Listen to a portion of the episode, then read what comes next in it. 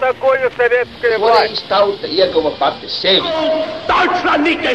Liktenīgas nejaušības un slēptas likumsakarības, subjektīvas patiesības un objektīvi aizspriedumi. Pēc atkušņa nekad nenāk uzreiz pavasars, bet sākās Arī šodien cilvēki ir ļoti tuvredzīgi. Viņi redz to naudu, kas ir. Televīzijā jau pamatā notiek cīņa par varu. Pagātne no šodienas skatu punkta un šodienas caur pagātnes prizmu. Raidījumā šīs dienas acīm. Katru svētdienu Latvijas radio eterā Eduards Liniņš. Labdien, cienījamie klausītāji! Šodien mēs pievērsīsimies notikumiem pirms 60 gadiem, proti 1958. gada decembra sākumā Rīgā risinājās Latgales kultūras nedēļa. Kāpēc tā ir svarīga un kāpēc tās konteksts pārsniedz tikai kultūras norises. Par to mūsu šodienas saruna un mans sarunbiedrs studijā kinorežisors, Zinātņu akadēmijas goda loceklis Jānis Streičs. Runājot par Latvijas kultūras nedēļu, tas nosaukums un eh, faktiski arī saturs pirmkārt liek jautāt, kāpēc tas ir nozīmīgs notikums, kuru mums būtu vērts atcerēties. Nozīmīgs tāpēc, ka Latvijas liktenis tenī gadā varētu teikt, ka esmu tā galā. Bet vispirms gribu uzsvērt to, ka joprojām vēsturē būs baltie plankumi, kaut tas notika nesen, arī citi gadījumi, jo mazi patieso liecību. Toreiz bija milzīga cenzūra, presi tai tika pakļauta, jebkurš rakstīns, kas parādījās, tika saskaņots ar centrālo komiteju, katrs izdevums skaities partijas centrāla komitejas orgāns, jebkurā avīze skaitījās. Un tāpēc, ja jūs gribat atskatīties, kā notika, piemēram, cilvēku sadzīšana kolhozā, jūs arhīvos atradīsiet iesniegumus tikai. Sanāk tā, ka zemnieki brīvprātīgi iestājās kolhozos, kur tās liecības, kā piespieda to darīt, kādā veidā notika, absolūti nekur nav. Un tāpēc arī šim gadījumam ir maz liecība. Sāka jau briest un organizēt varas gaiteņos tādu kustību tieši no Maskavas, ka vajadzētu likvidēt vēsturisko kļūdu un proti to, ka Latgale tika pievienot Latvijai 17. gadā. Tāpēc darba ļaužu lūgumu vajadzētu atkal atvienot pie Vicevskas guberņas vai bija guberņa apgabala. Un tanī laikā Tomēr Latvijā šeit bija tāda spēcīga nacionāla komunista grupa. Tā ir savu vēsturi, kāpēc tā notika. Tas notika pēc Staļina nāves, un to sekmēja cīņa partijas augšākos slāņos Maskavā un proti Berija. Uzraka vecu, vecu 23. gadā notikušā 13. partijas kongresā lēmumus, un proti tur tika kritizēta kompartijas politika līdz šajā 23. gadā. Un tika uzsvērts, ka republikās priekšroka jādod nacionālajiem kadriem un jāvada nacionālajiem kadriem. Un to steidzīgi izmantoja šeit Latvijā mūsu nacionāla komunistiskā, kur bija toreiz ir Berklaus, ir Pizāns no avīzes. Un zinot, ka šis rīkojums un tā labvēlīgi skatās Maskavā, tam pat pieslējās tāds karavīts Pelše, kas bija Maskavas ieliktenis, un kompartijas sektors Kalberziņš arī bija šo nacionālo komunistu pusē, pat cik tas nāca no Maskavas šī vēsma sāka tiešām priekšroku nacionālajiem kadriem šeit ierādīt.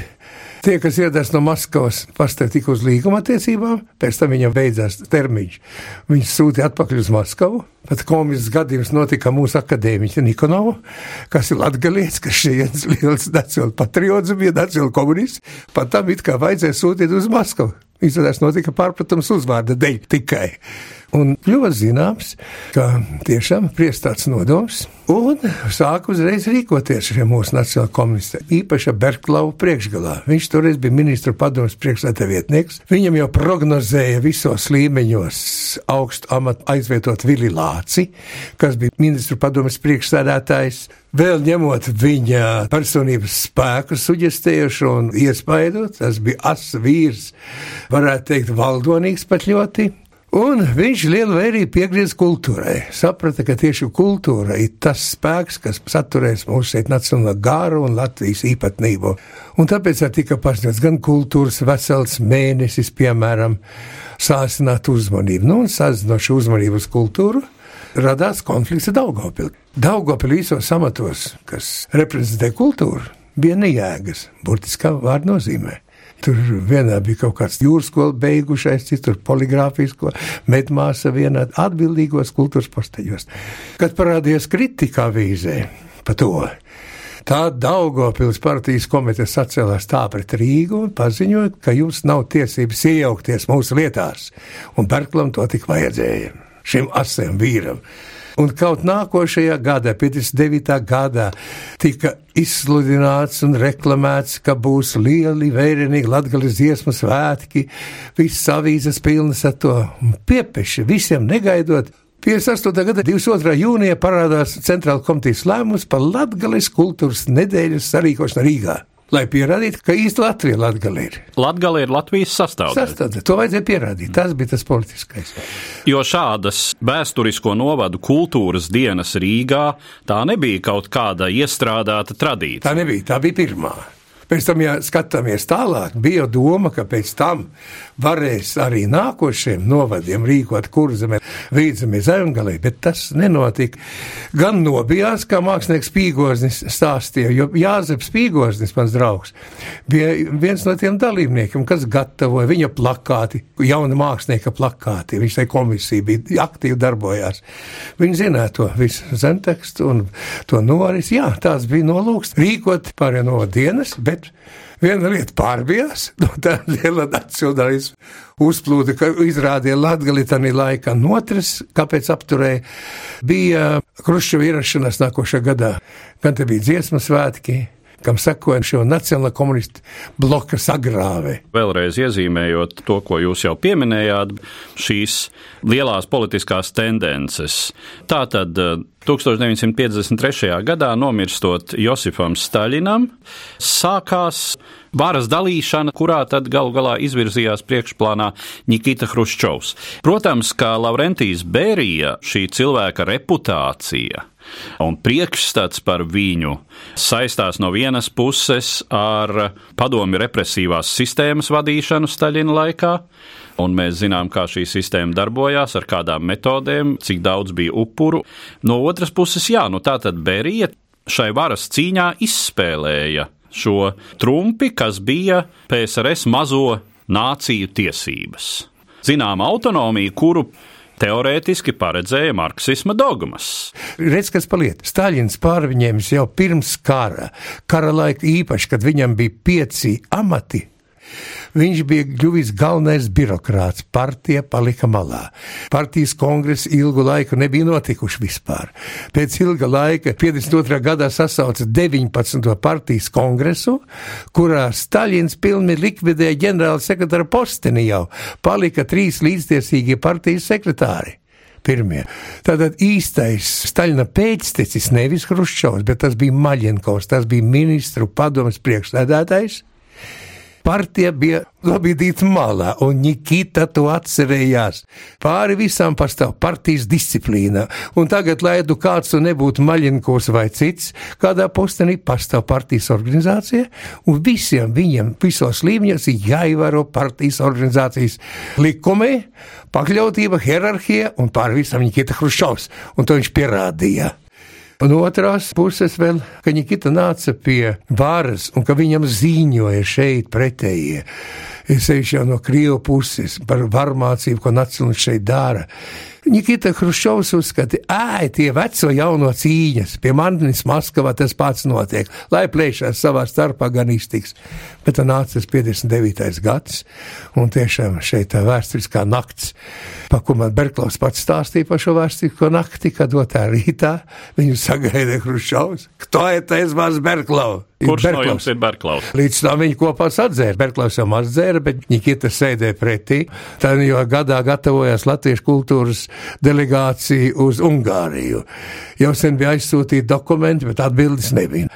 Un tad Berklaus prasa Nikitam Sirgeičam, kā mums liktenis mūsu tajā delegācijā. Mēs jau sen aizsūtījām pieprasījumu. Tu zini, kā mums kantorīgi kita atbild. Kaut kur iebāza tos papīrus, tur rīt man pavadīs. Jā, pie lidmašīnas atnāca, es te pa jaunu uzrakstīšu. Otra rīta aiziet, sagatavojas papīrus, un, kā saka, pohainais Hruščovs pierādās, avaļai meitai, tikpat kā vaļai bikšu priekšu, un pirmais, ko bauro, ka to izvaz Berklau, šis paņems papīri, domās, tiek parakstījis tagad nevēlne. Sākās tur zibeņu un pērkons, un lāciņš kliedz, tu gribi, lai es tevi sāk runāt uz jūs? Redziet, partijas lielā vēlība bija, ka viņš visus uzdaus to šis nacionāla komunistu bloks, lai gan to mēs arī daudzkārt jau esam pieminējuši mūsu raidījumā, ka tā nebija organizācija. Tā nebija. Viņi pat savā starpā nečupojas, ka tagad pieņemts. Cik atmiņās lasīja Berklē, Kalpiņam grāmata stāja rakstkrājums pa viņu Kādu vienu reizi tikai Berklāns bieskais pie kalpiņa dzīvokļa, kaut kāda paraksts bija vajadzīgs, tikai vairāk nemaz. Jā. Bet viņi vienā virzienā skatījās, kas ir mīlestība, nevienam uz otru skatīties, bet vienā virzienā. Arī mīlestība uz Latviju šeit bija vienā virzienā skatīšanās. Šai visai, kas nebija komanda faktiski. Jā. Bet viņiem bija viena kopīga biogrāfijas iezīme, šie cilvēki bija auguši starpkaru neatkarīgajā Latvijā. Protams, jā, un viņu sociālisma idejas, tās bija rietumu sociālismu, nevis krievu varmācīgais sociālisms, bet brīvais, demokrātiskais rietumu izpratnē. Un pretējā pusē ir izteikti padomju kazarmu sociālisma adepti, Šeit eh, Arvīts Pelše ir numur viens, nonācis Padomju Savienībā jau starpkara periodā un ieradies šeit tā sacīt kā nacionālais kadrs eh, būvēt sociālismu. Viņa tai apkārtnē gan dominēja izteikti šie iebraucēji, nu, lielākoties arī tad ne latvieši. Nu, un vēl viens pret šo nacionālu komunistisko tendenci vērsts centrs nenoliedzami bija šeit izvietotais Baltijas kara apgabala štābs. Jā, un viss. Līdz nomainīja Bagramjanu. Ziniet, Bagramjans, būdams armēnis, daudz šeit saprata latviešus, kaut gan ir leģenda par to, ka tajā laikā, kad nacionāla komunisti bija pie varas, augstākā padome, protams, sēdes notika latviešu valodā, iebrauc jutās nēti, līdz Bagramjans uzstājās armeņu valodā. Ja jau tiesības, tad arī man ir tiesības. Un līdz ar to tas bija mājiņas, ka jāpēc uz krievu valodu. Bet ir otra lieta, ko man pastāstīja Pulkvis Fersovičs, kas man bija no Baltijas kara apgabala konsultants, ka brīvības pieminekli paglāba arī Bagramjans. Viņš teica, kāpēc tādu skaistu, ko viņš traucē? Jo nebija viens gadījums par pieminekli. Berklaus savas atmiņās raksta, ka viņam deva mājienu vai pelšanēcos vai kalnbeziņš. Nu, kas tu pa komjoniet? Būtu sarganizējis brigādi, nogāzis to vienā naktī, tu saņemt rājienu, viss, bet pēc tam viss tikt piedots, viņš tikt uz augstnām, tikt lielos amatos tā tālāk. Nu, Berklaus to nedarīja. Tā ka brīvības pieminekli tās leģendas ir bez gala daudzas par brīvības pieminekli, viena no tām arī par Mūhinu, kaut gan tas ir maz ticams, jo viņa nebija favorā, kas saka, viņa varēja varbūt kā speciālists kaut kur piesaukt. Tik, bet ne tas, ka viņi izglāba, uzklausa, izglāba. Toreiz vara šeit bija armijai, bet tad nomainīja.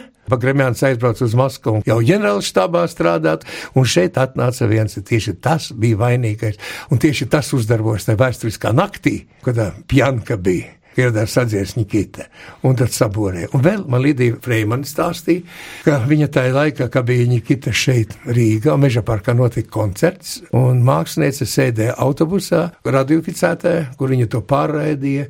Un viņi dzirdēja šī kabīnē, kas notiek ārpusē.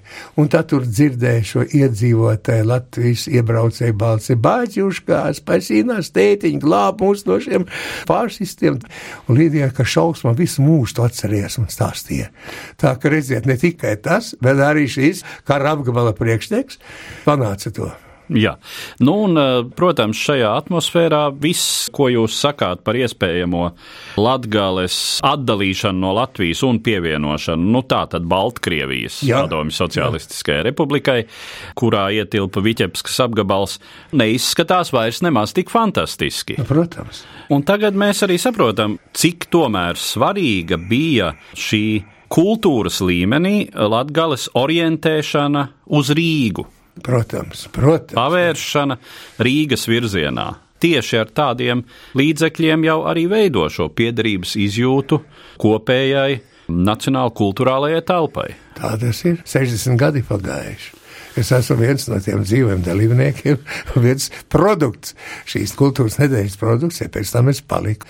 Rīgā man piedāvāja uzreiz darba Daugavils teātrī, Un, ja arī tādas nedēļas tika aizliegts, tāda to paraugs spiltais iedvesmos nākotnes lieliem pasākumiem tieši uz tādām mākslas dienām, kas bija paveikts šai kultūras nedēļai. Pirmkārt jau Latvija radās tautas teātri, jo to paraugu deva Latgali.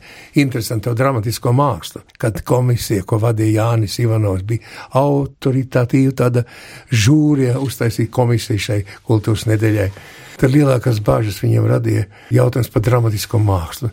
Nu, kaut vienu atrast, kaut vienu kolektīvu, varbūt tad varētu atvest uz Rīgu. To, ka būs etnogrāfiskais, nešaubies, nu arī mūzikas skola, bet notika brīnums, tur bija tādi sasniegumi, par to daudz varētu stāstīt. Bija žūrija, kas atlasīja pa zonām, bija Reizeknes zona, Daugopils zona, man bija gods piedalīties Daugopils zonā. Nu, un tā dramatiskā māksla, Antmans Briedīts, mūzikā, Jānis Ivanovs, komisijas priekšstādātais, glezniece Miķels Ivanovs, nu, liels autoritātes vadīja šīs komisijas, mēneša laikā, tātad jūlijā, vajadzēja piestādīt kandidātu šai atlasē. Komisija būtu bijis no Rīgas, kas Daugopilī reizekni ierodās. Tieši šī laikā izdevās nomainīt kultūras ministru Ostrovu, bija tāds Jānis Ostrovs, arī no Krievijas, kas nepratā latviešu valodu un par kultūras ministru kļuva viņa vietnieks Valdemārs Kalpiņš, kas ar vietnieks būdams bija liela autoritāte. Līdz ar to Kalpiņam bija brīvas rokas. Uzstādījums bija tāds, ka programmai jābūt latviešu valodā. Līdz ar to dramatiskā mākslā, kā Daugopili bija teātris Krievu, teātris, kas ieradās līdz ar sarkano armiju. Stādies priekšā! Ja teātris ir tautas pilngadības apliecība, okupanti ieradās ar savu teātri. Par Rīgu viņi karoja oktobrī, bet jau augustā kaut kur parādījās jau pirmais iestudējums ar straukas, kā bez vainas vainīgie Daugupils teātrī. Padomājiet, bet kalpiņa lēmums bija tikai latviešu valodā. Es atradu vienu rakstiņu cīņā, Lilija Dzēna raksta, ka viena taisnojās no ilūgstes, viena kundzīte taisnojās. Viņa nezināja, ka priekšnesam jābūt tikai latviešu valodā. Tas vienīgais cits līdzības nav. Tad to pietiek man, bet notika brīnums. Pirmie uzstājāmies mēs Daugopilī, kur man bija gods piedalīties. Upīša viencēliens Ragana, kas tā iepatikās, es protokols lasīju. Man neēr pašam stāstīt tās sajūsmības, kādas bija pat izrādi. Piebiši izcili izrādi Reizekne Lavriņeva Luga lūzums, Daugopils studenta teātris vai Domaņa ugunī un pazudušies daudz Līvanos. Četras izrādes. Nu, mums ir viencēliens, galu galā paņem visas četras. Apvienojās orķestri īsti profesionāla orķestra nebija. Bija mūzikas skola viena otrā, pa pusēm pašdarbnieki. Ārkārtīgi bažījās Leonīds Vīgners. Kas tur sanāks? Kas sapludina divus kolektīvus kopā. Katrs tur grib savu kurāžu izrādīt. Otrkārt, puse profesionāļi tikai. Un treškārt, repertuārs paņemts tāds, ka tas profesionāli nav pat spēkam un pēc tam viņš atzinās savā šaubās, un cīņa liels raksts Vīgnera, šī stingrā kritiķa, šī prasīga vīra sajūsmība par to, kas notika. Apvienojas kori Daugopes, Rēzeknes ar pirmais gadījums, kāds spēks un brīnišķīgs skanījums, ka divi kori kopā ir. Nu, bija daudz paraugu. Un, protams, jau latgalis keramika, protams, latgalis tēlotāja māksla, jo keramika līdz tam tika paziņot kā haltūra, viņa kā dienas zagļi, sliņķi tika izziņot, viņa sūta sodīja par to.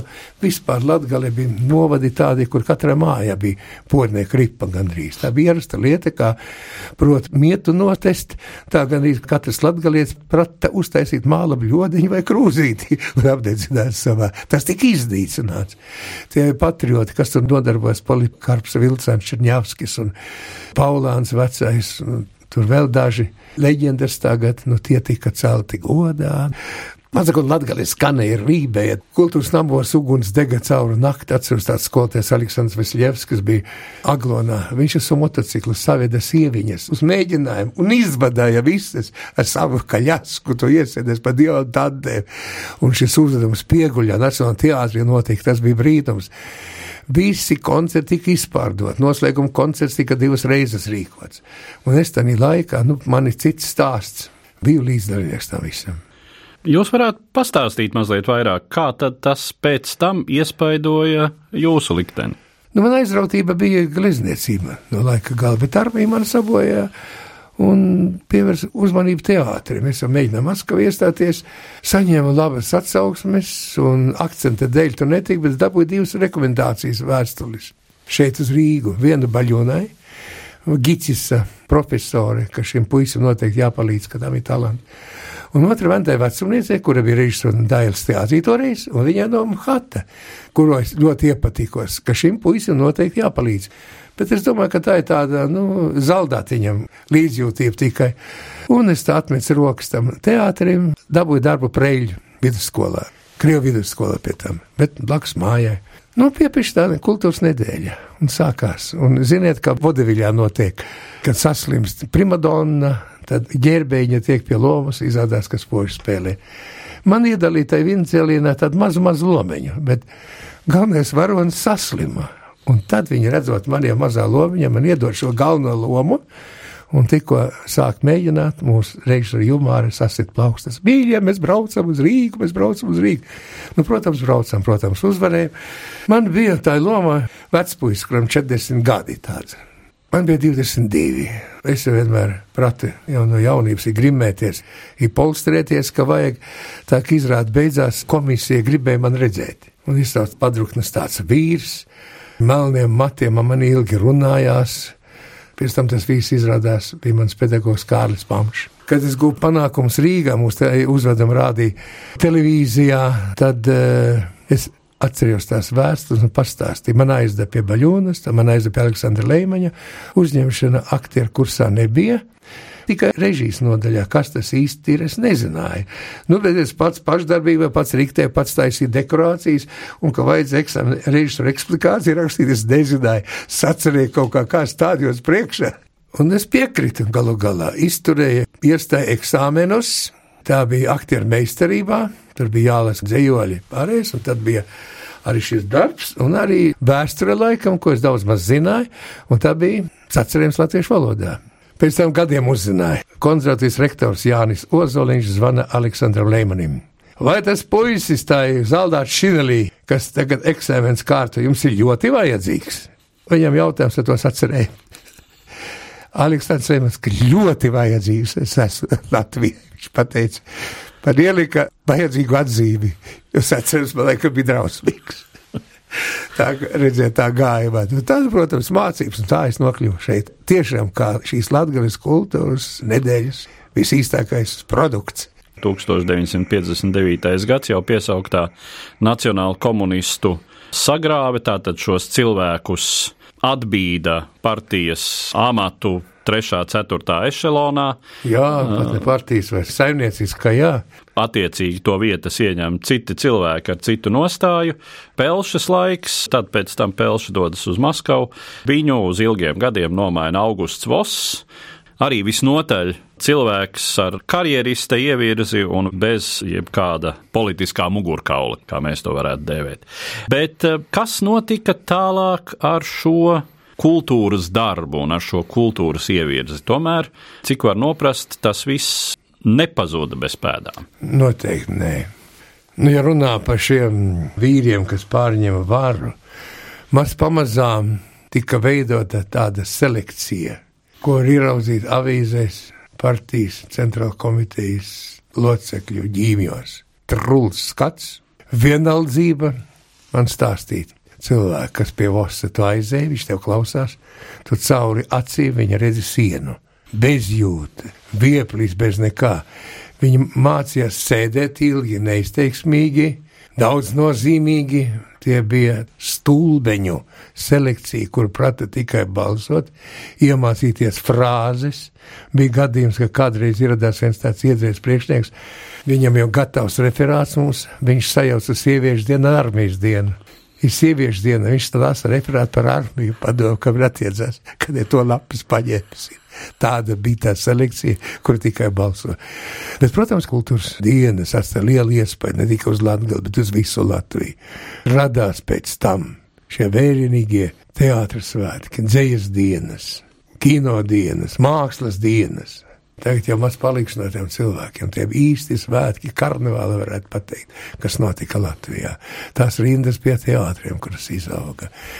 Un mēs sākam apgūt to ezopa valodu pamazām, jo tomēr tas diktatūras laiks bija beidzies, tagad sākās tāds kazarmu laiks.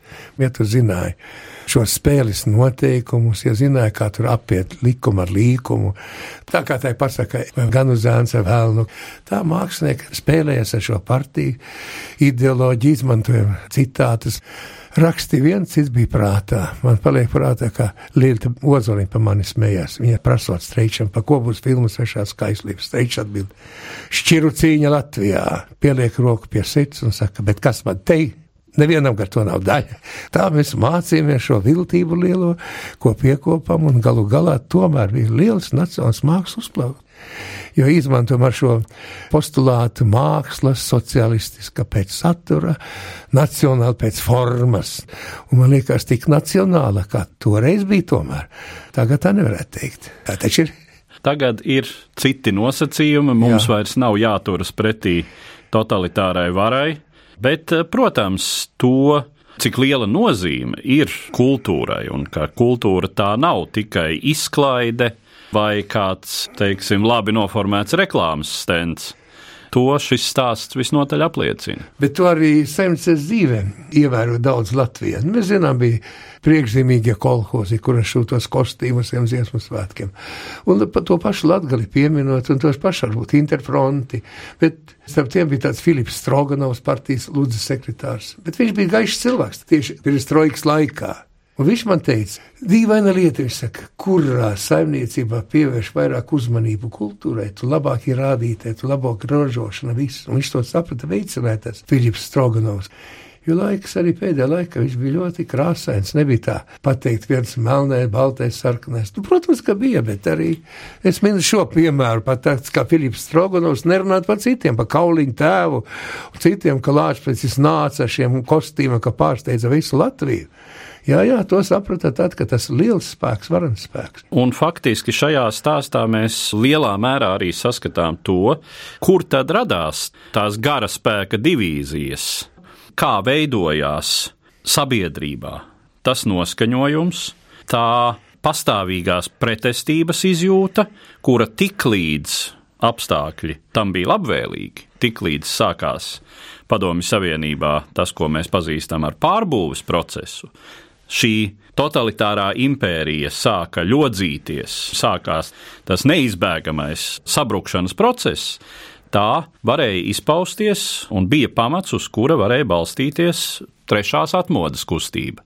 Un tās saknes ir meklējamas šais desmitgadēs, kad galvenā pretestības forma un iespēja bija caur šo kultūras darbu. Protams, un vēl, ja mēs paskatāmies uz šo pēdējo atmodu, starp citu, Kalpiņš uzskata tos gadus, 55. un 59. gadus, par īstiem atmodas gadiem.